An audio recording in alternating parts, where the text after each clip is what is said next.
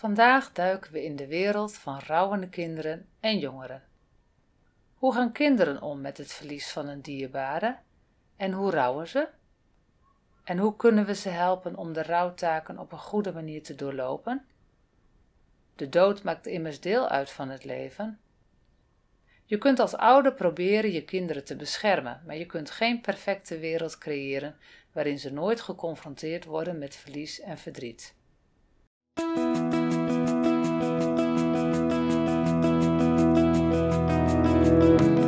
Welkom bij De Laatste Adem, de informatieve podcast die je begeleidt door de complexe reis van rouw en verlies. Mijn naam is Mirjam Koetsen en samen gaan we dieper graven om inzicht te krijgen in wat rouw werkelijk betekent en hoe we met een groot verlies kunnen omgaan. Rouw is als een stormachtige zee die ons overspoelt. Het is een wirwar van emoties, gedachten en veranderingen waar we soms hopeloos in verstrikt raken. Maar vrees niet, want in deze podcast reik ik je de helpende hand om door de golven te navigeren. Van de fysieke en emotionele symptomen van rouw tot de verschillende stadia waar we doorheen gaan. We zullen de puzzelstukjes van rouw samenvoegen om een completer beeld te vormen. Dus laten we samen stappen zetten op deze reis van begrip, heling en groei. Het is tijd om de complexiteit van rouw te ontrafelen en de kracht te ontdekken die in ons schuilt om een nieuw hoofdstuk te beginnen. Dit is de laatste adem, waar kennis en wijsheid samenkomen om ons te begeleiden op onze weg naar genezing.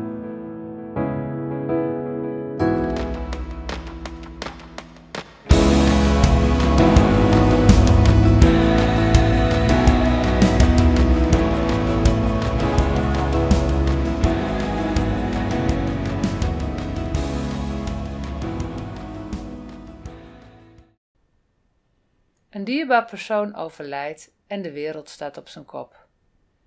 En wanneer iemand uit een gezin overlijdt, raakt de veiligheid en zekerheid van het gezin volledig verstoord. Volwassenen worden opgeslokt door hun eigen verdriet, waardoor ze emotioneel soms onbereikbaar zijn voor de kinderen.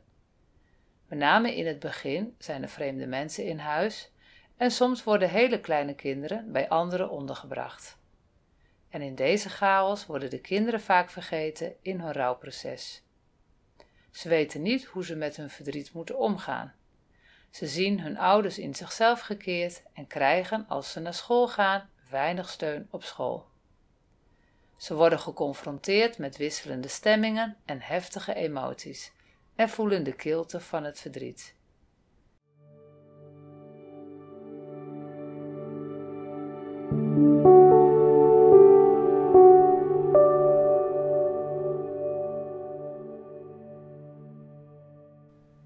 Volwassenen denken vaak dat kinderen dit soort last niet kunnen dragen en proberen hun boodschap en pijn te verzachten.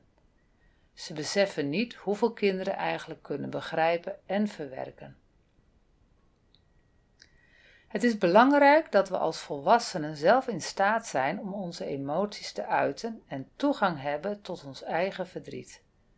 Pas dan kunnen we omgaan met het verdriet van kinderen en kunnen we ze helpen. We moeten beseffen dat kinderen eigenlijk gewoon nog niet volwassen zijn en dat volwassenen gewoon opgegroeide kinderen zijn. Kortom, ze ervaren dezelfde intense gevoelens van gemis, maar ze reageren op een manier die past bij hun leeftijd en ontwikkeling. En het is belangrijk om te begrijpen dat kinderen op jonge leeftijd meer verlieservaringen hebben gehad dan dat we denken. Bijvoorbeeld het verlies van een huisdier of worden geconfronteerd met een gewelddadige gebeurtenis, bijvoorbeeld op televisie. Ze zijn getuigen van een ongeluk, uh, getuigen van een echtscheiding of ziekte en of overlijden van een klasgenootje. Door er als ouders openlijk over te praten kun je een rolmodel zijn voor het kind.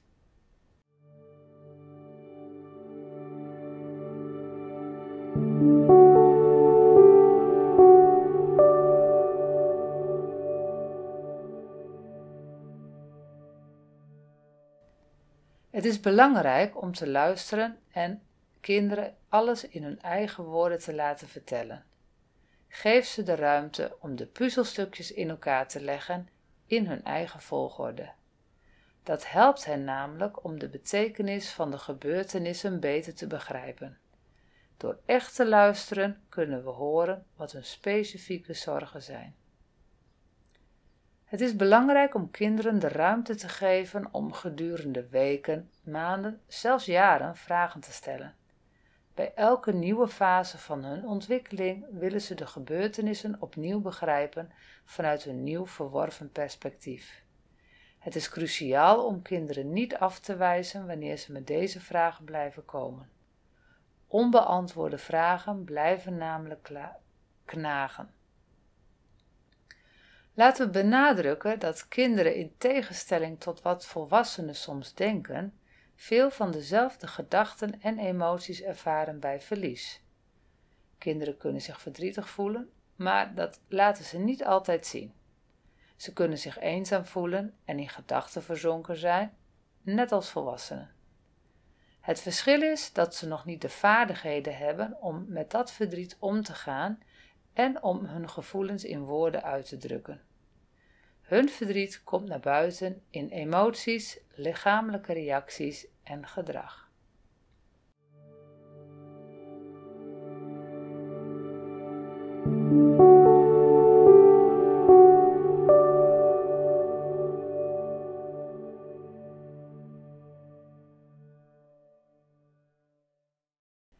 Kinderen zijn nog volop in ontwikkeling.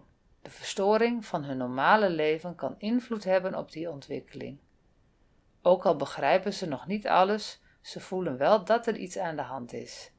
Ze reageren door te huilen en kunnen veranderingen in hun eet- en slaappatroon vertonen. Verdriet groeit mee terwijl je opgroeit en elk leeftijdsstadium heeft zijn eigen manier van omgaan met verlies. Bij kinderen van 3 tot 5 jaar oud is het moeilijk te herkennen hoe ze hun verdriet uiten. Pas wanneer ze beseffen dat de ouder nooit meer terugkomt, komt hun rouw naar boven. En dat kan zich uiten in bang zijn om alleen te slapen, eh, opnieuw duimzuigen, in bed plassen, zich vastklapen aan de overgebleven ouder, nachtmerries hebben en buikpijn of andere fysieke klachten. Kinderen van 6 tot 8 jaar ervaren eerder angst dan verdriet bij de gedachte aan het naderende overlijden. Ze beleven momenten van verdriet en boosheid, maar het overwegende gevoel is de voldoening van het delen van herinneringen. En op deze leeftijd hebben ze behoefte aan een betrouwbare volwassene die hen ondersteunt en een uitleg geeft over de dood en de logische denkfouten die ze kunnen maken vanuit hun magisch denken. Kinderen van 9 tot 11 jaar zijn zich veel meer bewust van de terminale ziekte en kunnen hierop ook anticiperend rouwen.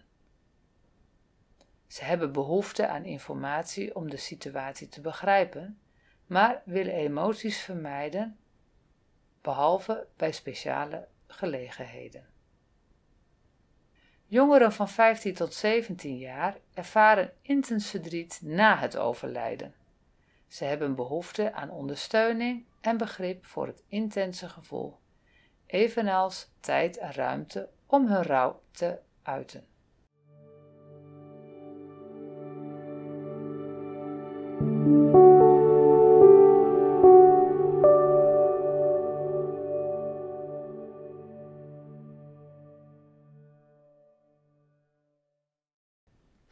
Volwassenen onderschatten vaak de intensiteit van het verdriet bij jongeren. Ze begrijpen niet altijd dat jongeren hun verdriet op verschillende manieren kunnen uiten, zoals boosheid, passiviteit of onverzettelijkheid. Belangrijk is het om het rouwproces aan hen uit te leggen en ze de kans te geven uh, om erover te praten. Kinderen van alle leeftijden hebben een veilige omgeving nodig om hun verdriet te kunnen uiten. Bij volwassenen beginnen de rouwreacties direct na het overlijden. Maar bij kinderen kan het weken of zelfs maanden duren voordat hun verdriet naar buiten komt. Emoties van kinderen kunnen soms heel intens zijn en explosief worden. Ze moeten leren om hun emoties onder controle te houden. Het is belangrijk om kinderen te laten weten dat ze hun boosheid en schuldgevoelens mogen uiten.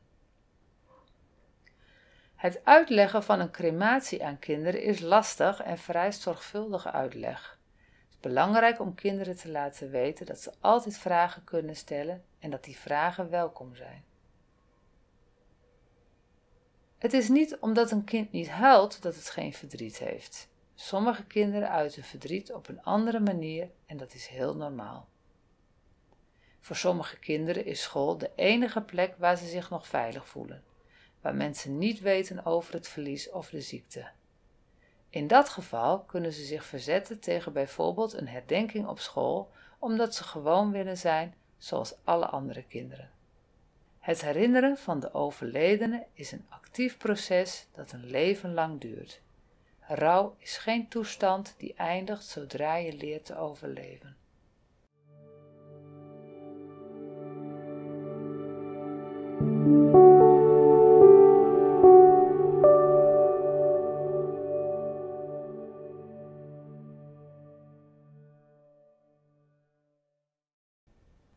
Rouw en verdriet zijn normale emoties die vaak goed kunnen worden opgevangen door ouders, familieleden vrienden en opvoeders op school. Het is belangrijk om kinderen niet te snel naar een psycholoog of psychiater te sturen. Op die manier voorkomen we dat het kind het idee krijgt dat er iets mis is met hen. In plaats van te benadrukken dat er een probleem is waar we samen aan kunnen werken. Tot slot wil ik een paar signalen noemen waarbij het raadzaam kan zijn om toch professionele begeleiding te zoeken. Bijvoorbeeld als het kind gedurende een langere tijd voortdurend verdrietig is, uh, rusteloos is en moeite heeft met ontspannen, geen zin heeft in sociale contacten en dat ook uit de weg gaat, zichzelf verwaarloost en ook zijn of haar uiterlijk verwaarloost, uh, vermoeid blijft en slaapproblemen heeft, geen zin meer heeft om naar school te gaan of om hobby's uit te voeren uh, zich waardeloos voelt en vol zelfverwijt zit, maar ook bij overmatig gebruik van alcohol en drugs kan het een teken zijn dat het kind niet goed toekomt aan de rouwtaken. En met deze punten komen we aan het einde van deze aflevering van De Laatste Adem over kinderen en rouw. We hebben gesproken hoe kinderen en jongeren omgaan met verlies, hoe ze rouwen en hoe we ze kunnen helpen in dit proces. En het is belangrijk om te beseffen dat kinderen hun verdriet op verschillende manieren uiten en dat ze tijd en ruimte nodig hebben om hun gevoelens te verwerken. Als volwassenen kunnen we een cruciale rol spelen in het ondersteunen van kinderen tijdens hun rouwproces.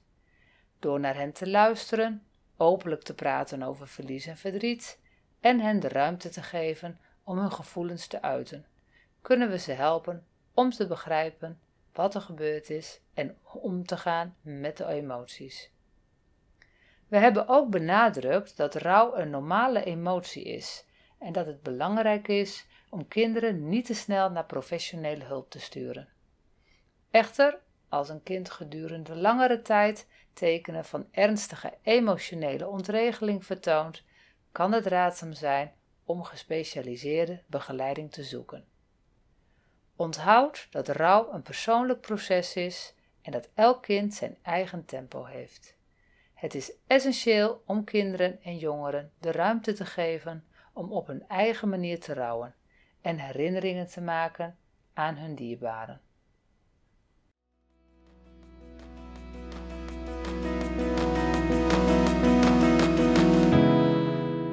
Terwijl we het einde van deze aflevering van De Laatste Adem bereiken, wil ik je bedanken dat je de tijd hebt genomen om te luisteren. Jouw reis van rouw eindigt hier niet. Het is een pad dat je op je eigen tempo bewandelt, met ups en downs en soms zelfs zijstappen. Onthoud dat verdriet geen lineair proces is, maar eerder een complexe dans van emoties die je ziel raken. Als je behoefte hebt aan verdere ondersteuning, bezoek dan mijn website voor de mogelijkheden. Als deze aflevering je heeft geraakt en geholpen, zou ik je willen vragen om een review achter te laten op het platform waarop je luistert. Jouw feedback helpt anderen om deze podcast sneller te vinden en de helende inzichten te ontdekken die we delen. Deel deze aflevering ook gerust met andere nabestaanden, vrienden en geliefden die troost kunnen vinden in de woorden, zodat ook zij zich gesteund weten in hun reis van rouw. Wil je geen enkele aflevering missen? Abonneer je dan op deze podcast, zodat je altijd op de hoogte bent van nieuwe afleveringen vol waardevolle inzichten en helende verhalen. Dankjewel voor het luisteren naar De Laatste Adem.